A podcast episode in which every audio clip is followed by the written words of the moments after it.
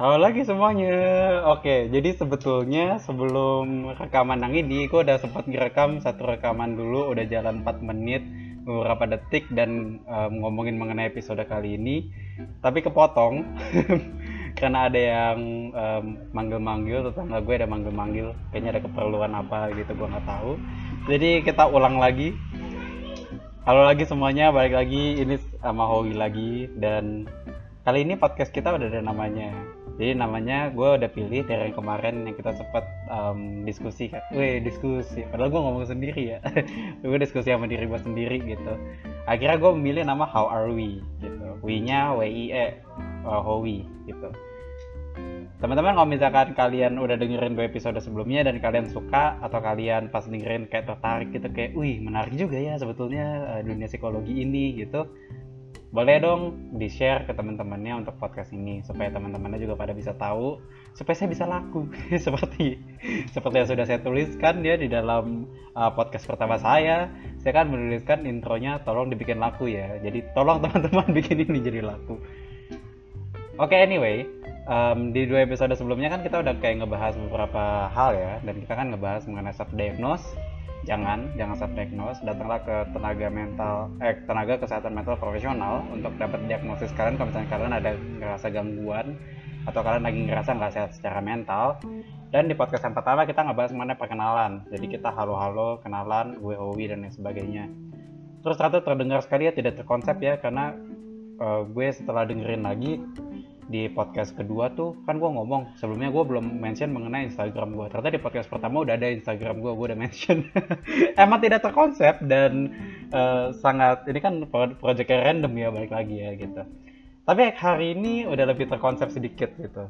Jadi udah lebih terkonsep kalau misalnya kalian denger sekarang intronya udah konsisten. Semua intronya tuh udah ada suara sapinya kan ada gitu. Terus ada bunyi dunta dunta gitu. Terus gue baru ngomong ya cakep lah gitu. Gue kayak kayak tahu ternyata Spotify um, memfasilitasi para podcaster dengan kayak dikasih editing editing yang simple banget gitu. Dan gue editingnya wih menyenangkan banget. Gue pas editing gue ketawa-tawa sendiri lucu banget soalnya suara sapinya.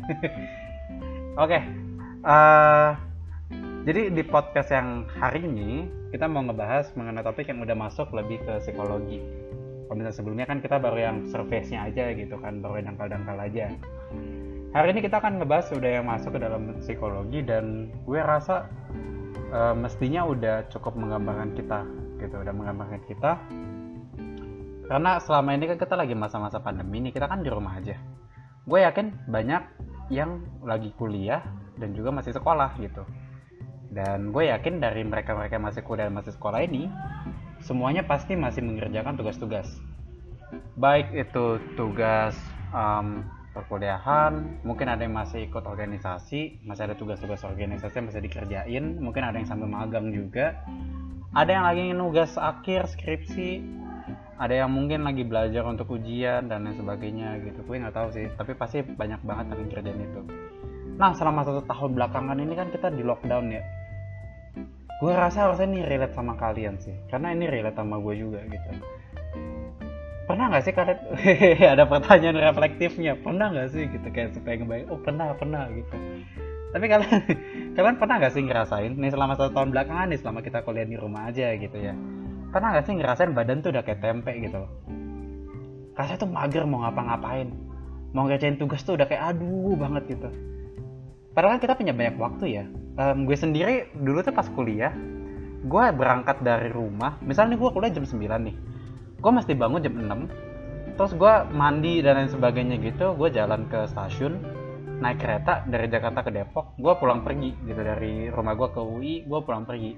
Jadi gue uh, jam tujuan gitu lah jam 6.55 gitu gue naik kereta jalan ke Depok nyampe nyampe Depok um, jam 8 eh berarti gue salah jam 9 masih mau kalau kecepatan satu jam kalau misalnya jam kuliah jam 9 berarti gue bangunnya jam 7 gitu. Jadi jam 8 gue naik kereta terus gue nyampe sana jam 9 itu udah dua jam baliknya juga dua jam gitu. Jadi gue kayak um, ada waktu 4 jam di jalan doang dulu pas gue kuliahnya masih offline.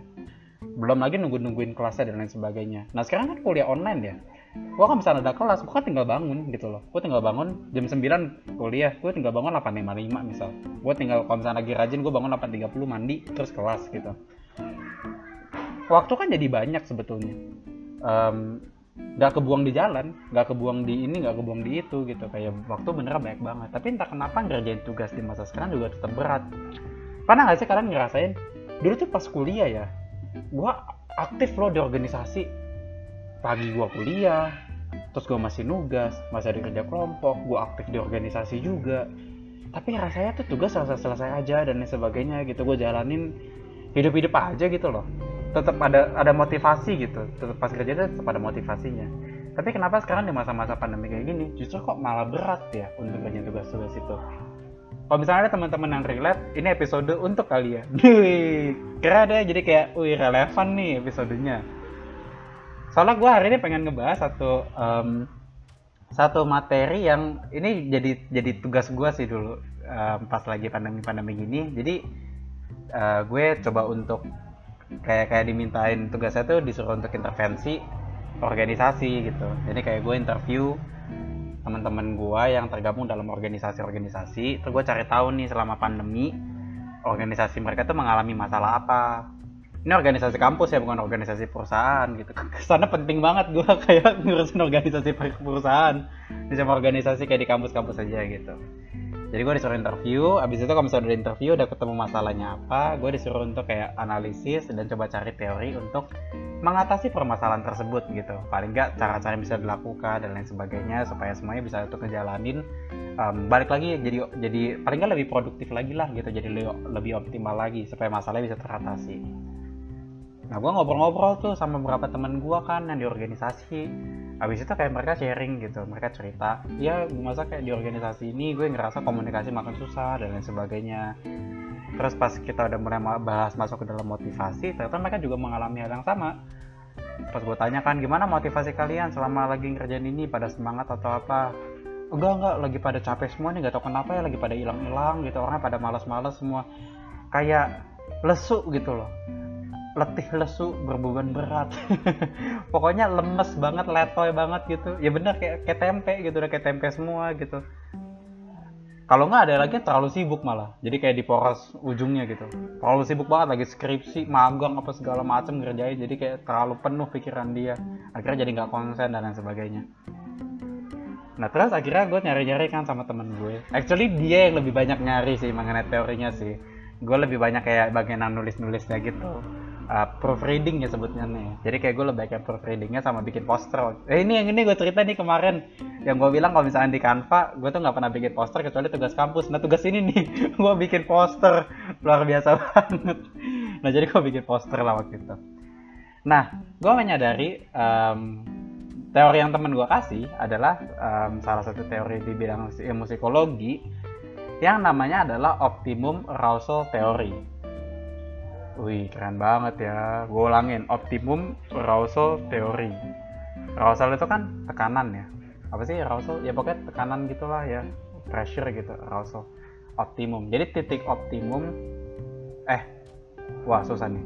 Teori yang menjelaskan titik tekanan yang paling optimal. Wih, paham lah ya kalau misalnya bahasa kayak begitu. Uh, teori yang menjelaskan mana titik tekanan yang paling optimal. Jadi di teori ini tuh ngomong kayak gini kalau misalkan kita lagi ada tekanan tugas, ada tekanan ini, tekanan itu, stres yang begitu besar banget, yang begitu banyak banget, kita jatuhnya jadi nggak konsen, jatuhnya jadi nggak bisa ngerjain tugas dengan baik.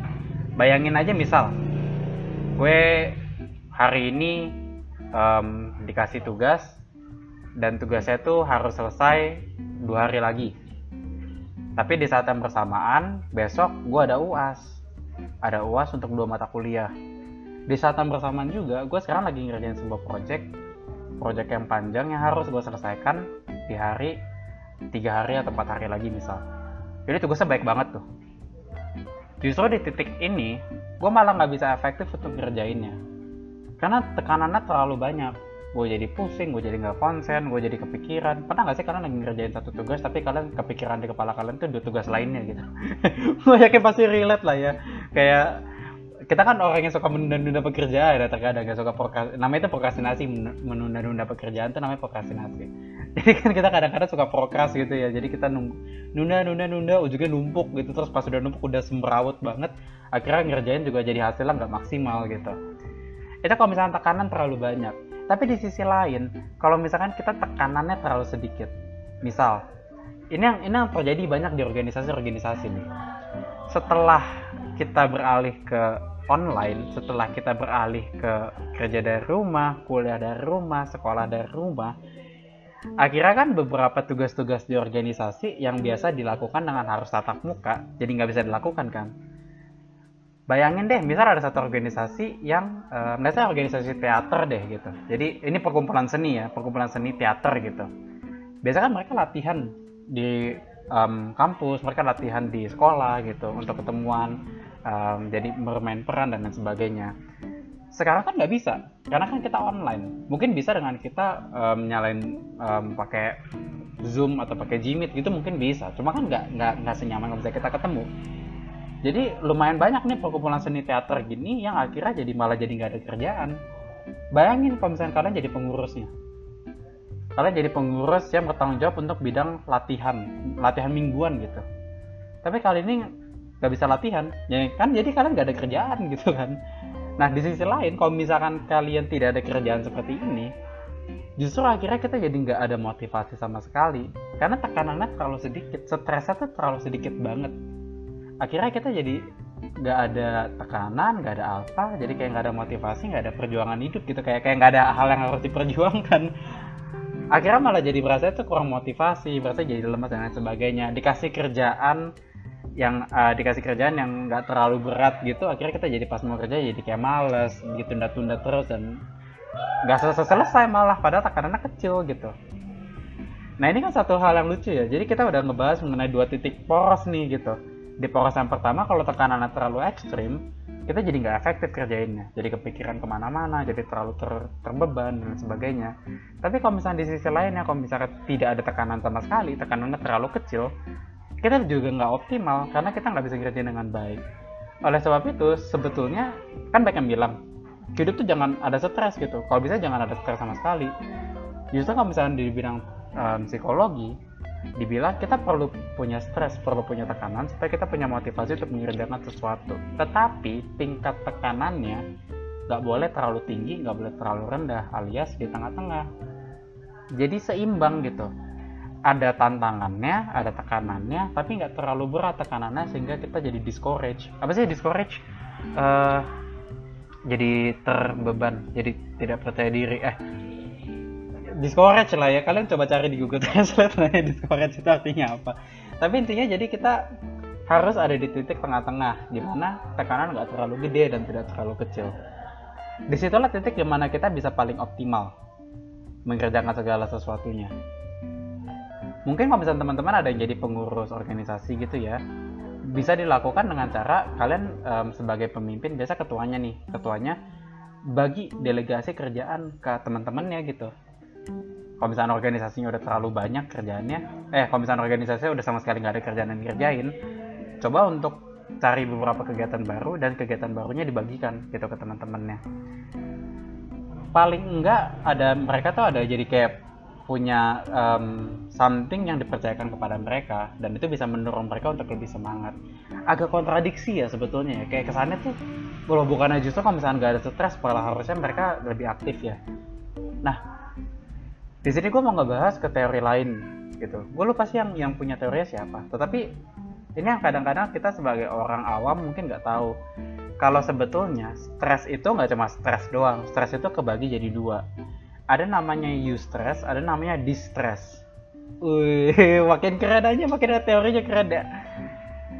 Jadi teman-teman, kalau misalkan uh, ini ini terminologi aja, terminologi aja. Kalau misalkan teman-teman um, stres karena sesuatu hal, misal teman-teman stres karena macet. Maka macet itu disebut sebagai stresor atau hal yang membuat kita jadi stres. Hal yang membuat kita jadi stres namanya adalah stres stresor gitu. Something yang membuat kita jadi stres. Nah si stresor ini tuh ada dua jenis. Ada yang ada yang yang eustress ada yang distress. Eustress adalah stres yang sehat. Sedangkan distress adalah uh, stres yang gak sehat misalnya kalau misalnya kita mengacu kepada yang tadi gitu. Di saat ada seseorang yang sama sekali nggak ada kerjaan lalu dia dikasih tanggung jawab ketua organisasinya misal membebankan kepada dia tugas yang nggak terlalu berat nih. Tugasnya yang yang pokoknya menantang lah gitu. Misal dia nggak pernah bikin video terus ditantang. Gimana kalau misalnya tuh bikin video buat organisasi kita?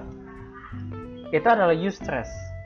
Karena dia jadi produktif dia jadi tertantang dia jadi kayak wih ini ada tekanan nih tapi jadi kayak tekanan yang dia pengen tackle gitu yang dia pengen selesaikan yang dia jadi dia semangat untuk mengerjakannya gitu. Tetapi kalau misalkan kondisinya dia lagi ngerjain skripsi lagi magang lagi ada uas skripsi nggak bisa uas eh bisa sih lagi ada uas juga terus lagi ada project apa gitu. Tiba-tiba dikasih tanggung jawab baru lagi ini namanya distress. Karena dia akan makin jatuh gitu kan tingkat tingkat stresnya makin tinggi akhirnya dia malah stresnya bikin dia jadi makin tidak produktif. Nah teman-teman di sini kan kita lagi ada di masa um, pandemi gini ya dan kadang-kadang kan kita jadi nggak mau ngerjain ini nggak mau ngerjain itu jadi mager-mageran aja gitu pengennya tidur-tiduran rebahan aja. Coba teman-teman cek deh teman-teman itu lagi ada di titik yang mana? Apakah teman-teman lagi ada di titik yang terlalu banyak tingkat stresnya atau teman-teman justru lagi ada di titik di mana sama sekali nggak ada tingkat stresnya kita kan masih di tengah-tengah nih. Jadi teman-teman mungkin bisa pakai teori ini untuk membantu kalian manajemen diri. Kalau misalkan emang wah tingkat stresnya terlalu banyak. Let's say kalian ngerasa aduh project yang gue masih kerjain tuh banyak banget due date-nya gitu. Nah di situ artinya ini udah waktunya untuk kita ngebagi tugas. Jadi misal ada due date-nya ada yang tiga hari lagi ada yang empat hari lagi ada yang lima hari lagi. Nah untuk tugas yang tiga hari lagi kita kerjain duluan. Terus yang untuk yang empat hari lagi kita kerjain setelahnya dan yang lima hari lagi baru kita kerjain lagi selanjutnya. Jadi setiap hari kita tetap punya tekanan tapi tekanannya terbagi-bagi gitu. Nggak yang langsung kayak sabar-sabar dikerjain satu hari dipikirin semua. Tapi kita bagi-bagi pola uh, kita pilah-pilah. Ada motor lewat luar biasa. Kita pilah-pilah satu persatu mana yang mau duluan mana yang lebih mau akhiran gitu. Sedangkan kalau misalkan di sisi lain kalau misalkan yang sama sekali nggak ada tekanannya mungkin ini adalah waktunya untuk kita nyari kerjaan lain. Coba bikin project coba bikin ini coba bikin itu. Gue yakin kalau misalkan kalian lagi kuliah pasti di perkuliahan tuh ada banyak kesempatan untuk bisa nyari-nyari hal baru gitu. Ini kan lagi zaman zamannya kelas online gitu ya. Terus banyak banget yang kayak ada apa sih kayak master class atau yang kayak webinar gitu mungkin teman-teman boleh tuh untuk apply. Coba aja ambil satu kelas webinar yang mungkin lumayan panjang. Ya mungkin buat dua bulan gitu. Jadi kayak setiap hari tetap ada tantangan barunya. Supaya jangan sampai kita jadi kayak malah tidak produktif dan merasa bersalah gitu. Kayak aduh gue sama sekali kagak kagak kagak ngerjain apa-apa nih gitu. Gue jadi kayak merasa berdosa gitu. Nah teman-teman mungkin itu kayak kayak tips singkat gitu kali ya. Tapi kalau misalnya teman-teman coba pikirin siapa tahu ini bisa kayak ngebantu kalian untuk lebih produktif kerjaan ini dan itu. Untuk berasa pandemi ini nggak buang-buang waktu gitu lah. Nah kurang lebih hari ini bahasnya mengenai itu aja. Singkat padat gampang lah masih gampang untuk dimengerti lah. Ya, ini belum masuk ke ranah yang terlalu aneh-aneh gitu. Tapi kan paling nggak hari ini udah kayak lebih wih ternyata stres tuh gak cuma stres doang loh ada distress ada eustress gitu. Terus kayak wih ternyata tekanan tuh ada yang tekanan terlalu tinggi ada tekanan terlalu rendah gitu. Kesannya tuh kayak jadi lebih berpengetahuan gitu lah. Oke teman-teman kurang lebih kayak begitu aja. Nah selanjutnya uh, mungkin setelah ini gue akan ngebahas mengenai trauma. Jadi gue kemarin sempat kayak ngeliat di Instagram ada orang yang diskusi mengenai trauma dan gue kayak ngerasa wih lucu juga gitu. Kayak orang pada diskusinya tuh kalau misalnya dibaca agak-agak kocak gitu loh. Karena banyak yang um, beneran mispersepsi salah ngerti mengenai trauma itu kayak gimana. Tapi mereka kayak yakin banget. Ini balik lagi ke podcast sebelumnya. Um, self diagnose gitu. Yakin banget gue punya trauma akan something. Akhirnya jadi kayak mereka ngerasa ini gue banget gitu.